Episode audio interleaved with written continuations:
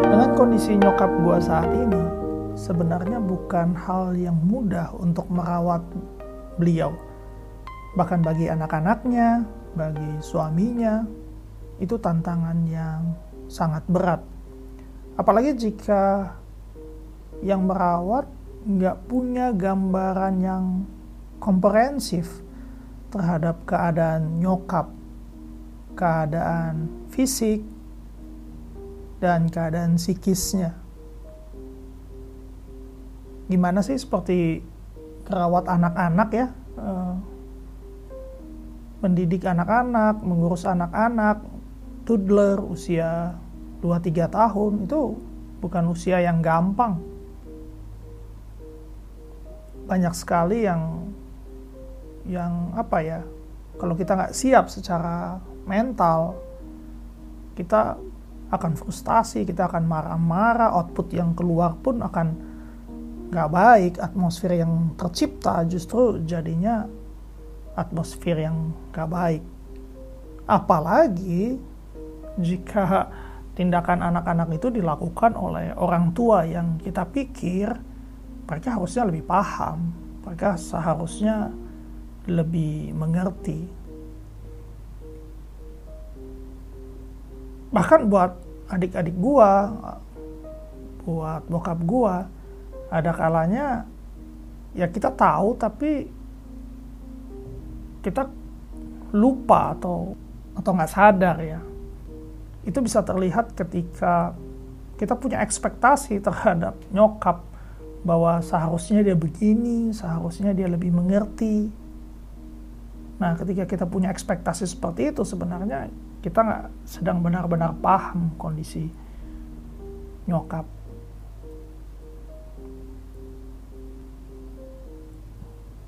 Dan mungkin gue bisa bilang ini ini waktunya kali ya mungkin nggak akan lama lagi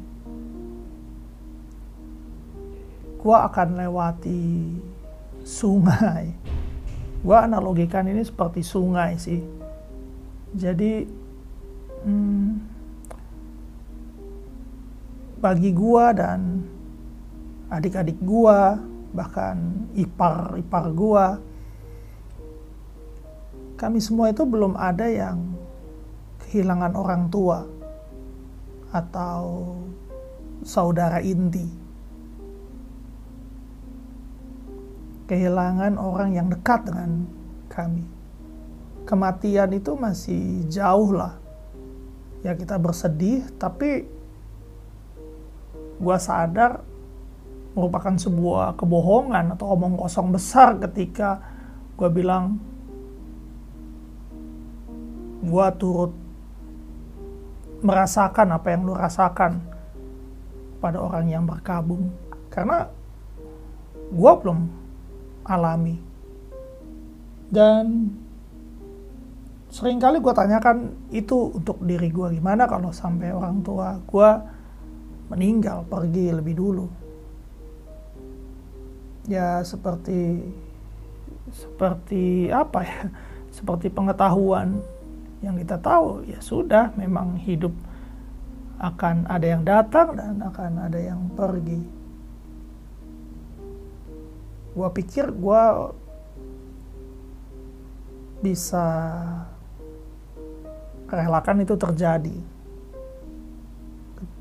Namun nggak nggak ada yang benar-benar tahu, nggak ada yang benar-benar siap sampai momen tersebut terjadi. Walaupun gue bisa bilang ya ini kematian itu bukan berpisah untuk selama-lamanya karena kita sebagai orang percaya tahu ada kehidupan setelah kematian dan kita akan berjumpa lagi.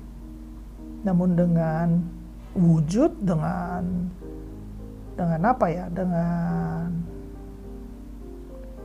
dengan pemahaman atau sudut pandang yang berbeda lagi ya kali ya. Ya gue nggak tahu sih tapi kurang lebih seperti itu. Namun bagaimana ketika kematian itu benar-benar datang ya? Atau mungkin kita memang masih baik-baik aja atau atau bisa kita pikir kita bisa melewatinya dengan baik. Namun bagaimana setelah satu tahun, dua tahun, lima tahun, atau sepuluh tahun, dan waktu-waktu kita rindukan, waktu-waktu atau masa-masa di mana tiba-tiba rindu itu datang, rasanya seperti apa ya? Di sini gue bersyukur bahwa istri gue walaupun usianya jauh lebih muda dari gue walaupun secara hidup gue lebih lama artinya gue punya pengalaman yang lebih banyak mestinya ya. Namun untuk ditinggalkan orang yang disayangi atau orang tua ya istri gue punya pengalaman yang lebih lengkap lebih banyak dan gue bisa bilang sebenarnya dia sudah ada di sisi sungai yang satu lagi ketika dia sudah kehilangan orang tua. Jadi dia kehilangan orang tua ketika masih kecil, uh, mamanya, papa kandungnya ketika dia SMP SMA. Dan dia yang selalu mengingatkan gue untuk untuk menghubungi bokap, nyokap. Walaupun kadang sering kali buat gue itu terdengar kayak ya udahlah kok e, nanti gue hubungin gitu loh. Kalaupun terjadi apa-apa gue nggak akan menyesal. Gue selalu e, bilang seperti itu. Karena gue udah gue pikir gue udah melakukan semua yang seharusnya gue lakukan.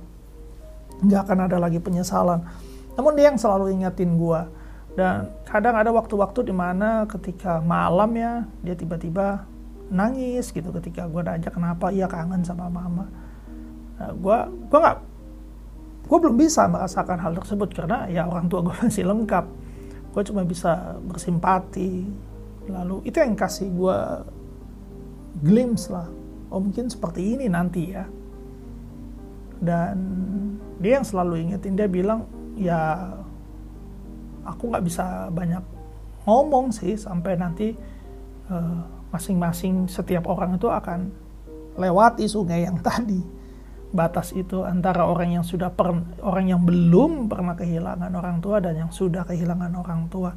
Setiap orang punya respon yang berbeda-beda, punya experience yang berbeda-beda.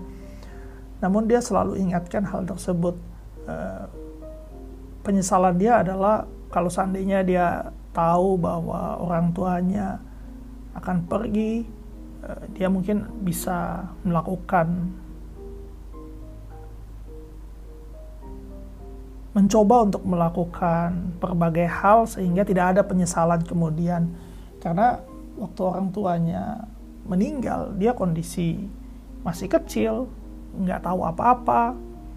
Yang dia tahu cuma sakit namun tiba-tiba kematian datang suddenly buat dia lalu dia ingetin juga uh, dia bilang ya cece itu kelihatan uh, di mata mereka ketika kumpul bareng gua, bareng Jonah gitu. Ada sedikit penyesalan lah di mata cece-cecenya. Coba seandainya mama masih ada. Mertua gua maksudnya masih ada. Nah ini yang dalam situasi dalam saat-saat seperti ini itu yang mengingatkan gua. Kayak oh iya ya this is kayaknya ini waktunya gitu. Dan dengan kondisi nyokap gue yang kesadarannya on off gue gue mencoba untuk untuk menjelaskan ke adik gue dan itu sebenarnya menjelaskan dan mengingatkan ke diri gue bahwa apa pun yang saat ini kita lakukan untuk perawatan mama, untuk kesehatan mama, hmm, itu bukan untuk membuat mama lebih sembuh.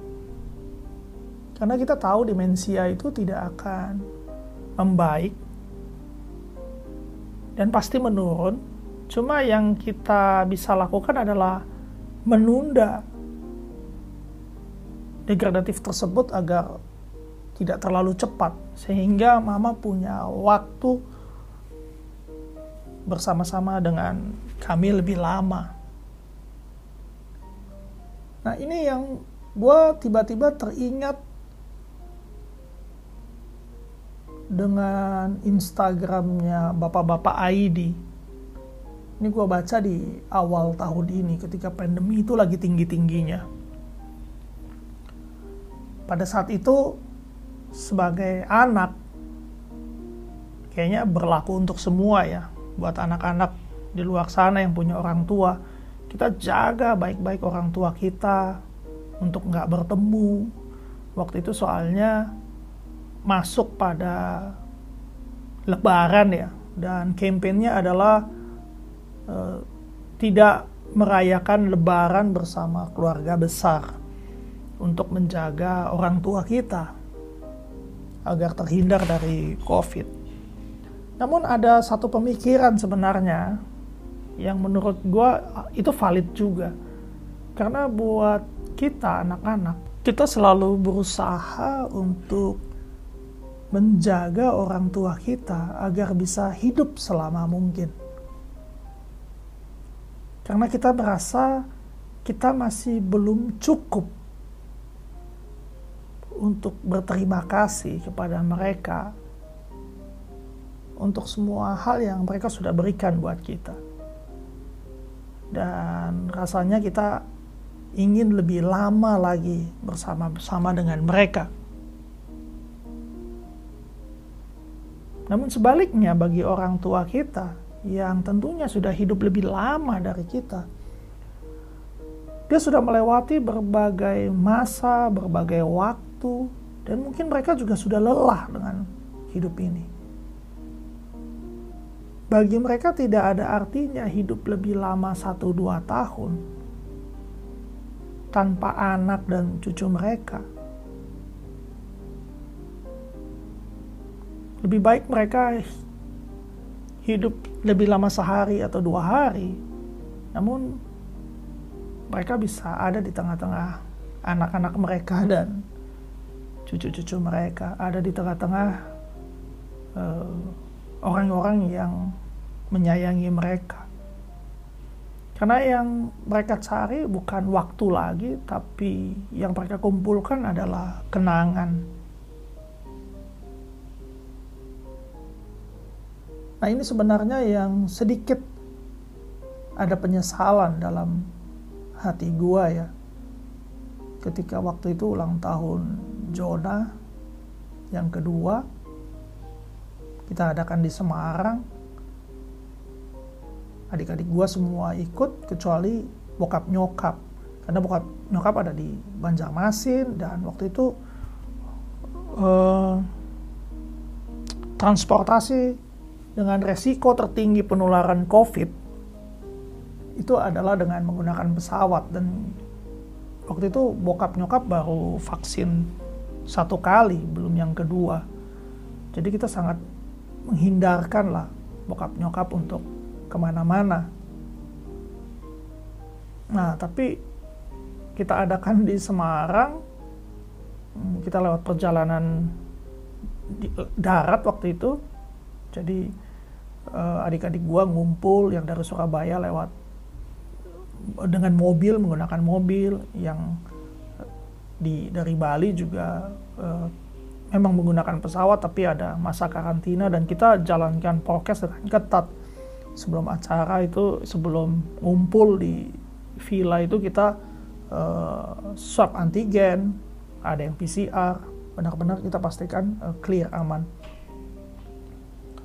Cuma bonyok bokap nyokap kita nggak kasih tahu dan ketika tahu tuh mereka tuh ingin banget datang udah udah mau beli tiket untuk datang. Tapi kita cegah.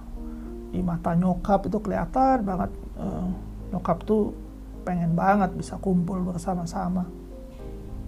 Dan waktu itu gue sebenarnya hampir goyah ya karena gue baca baca kontennya post Instagramnya bapak-bapak ID tersebut. Cuma adik gue yang cewek yang bilang jangan. Nah sekarang gue sedikit menyesal karena gue pikir coba waktu itu kita izinkan ya. Jadi uh, nyokap gue masih bisa ketemu cucunya anak gue Jona masih bisa ketemu omanya dalam keadaan yang masih sadar masih sehat. Dan Jonah juga bisa punya kenangan yang baik ya kenangan uh, omanya dalam kondisi masih sehat namun itu semua udah terjadi dan saat ini uh, gue cuma bisa bilang sebenarnya kita tidak sedang berusaha menyembuhkan nyokap. Cuma menunda saja. Dan ini bukan sebenarnya juga bukan untuk menolong dia. Namun lebih kepada menolong kami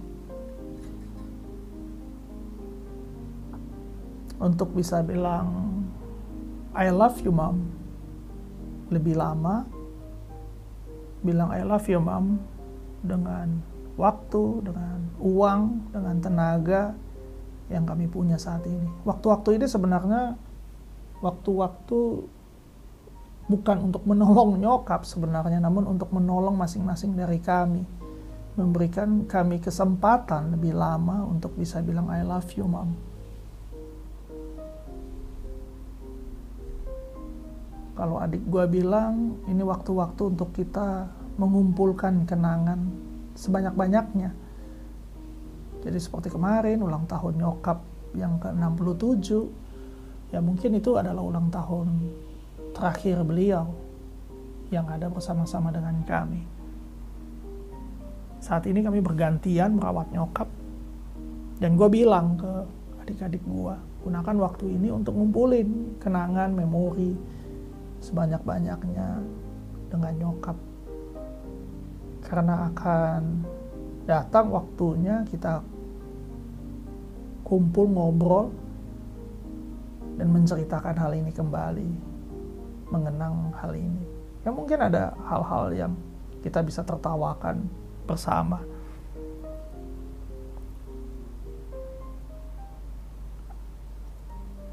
Dan dan nggak semua kata-kata nyokap itu keluar dari kesadarannya ya karena kondisinya seperti anak kecil tadi. Jadi gue selalu bilang ini anggap aja seperti Jonah lah seperti anak gue ketika kita bermain atau berinteraksi dengan dia lalu kita nak kita suka ngomong Jonah sayang papa nggak? Sering kali kan dia jawab enggak enggak sayang.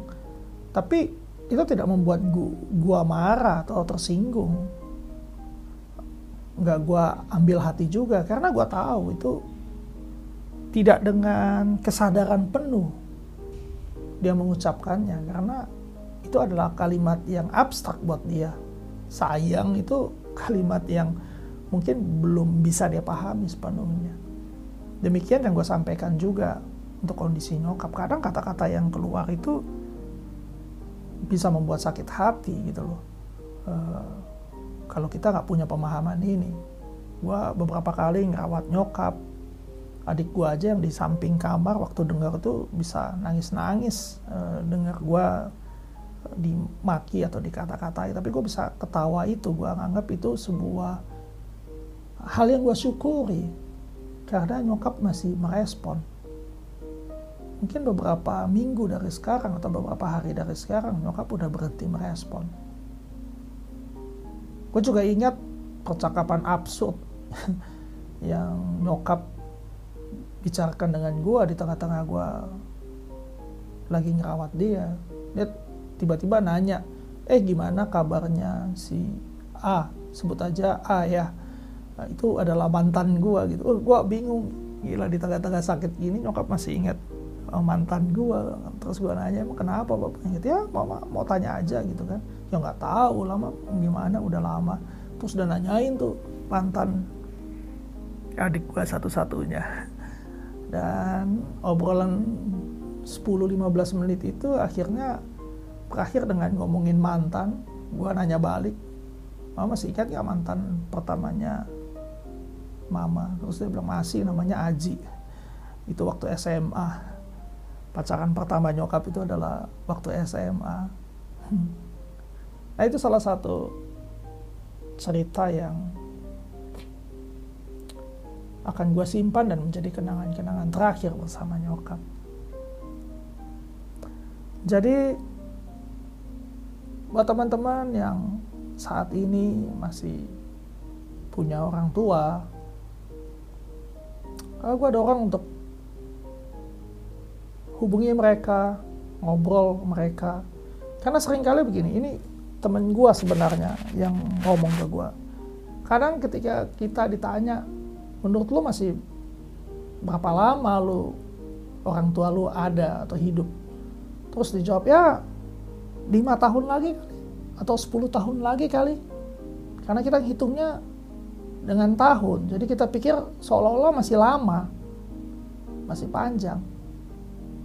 Namun ketika ditanya dalam satu tahun berapa kali lu ketemu orang tua lu? Atau berapa kali lu menghubungi mereka? Dan paling dalam satu tahun itu bisa dihitung sekali apa dua kali. Ketika lebaran atau mungkin ketika tahun baru Natal. Jadi dalam setahun paling coba dua kali satu sampai dua kali artinya kalau orang tua kalian masih hidup 5 sampai 10 tahun sebenarnya waktu yang kalian miliki itu hanya 5 sampai 10 kali bertemu dengan mereka sebelum mereka pergi. 5 sampai 10 kali. Ini kita sadar ternyata waktu kita sudah nggak banyak lagi bersama-sama dengan mereka. Jadi jika kalian menghubungi mereka, sampaikan salam gua untuk orang tua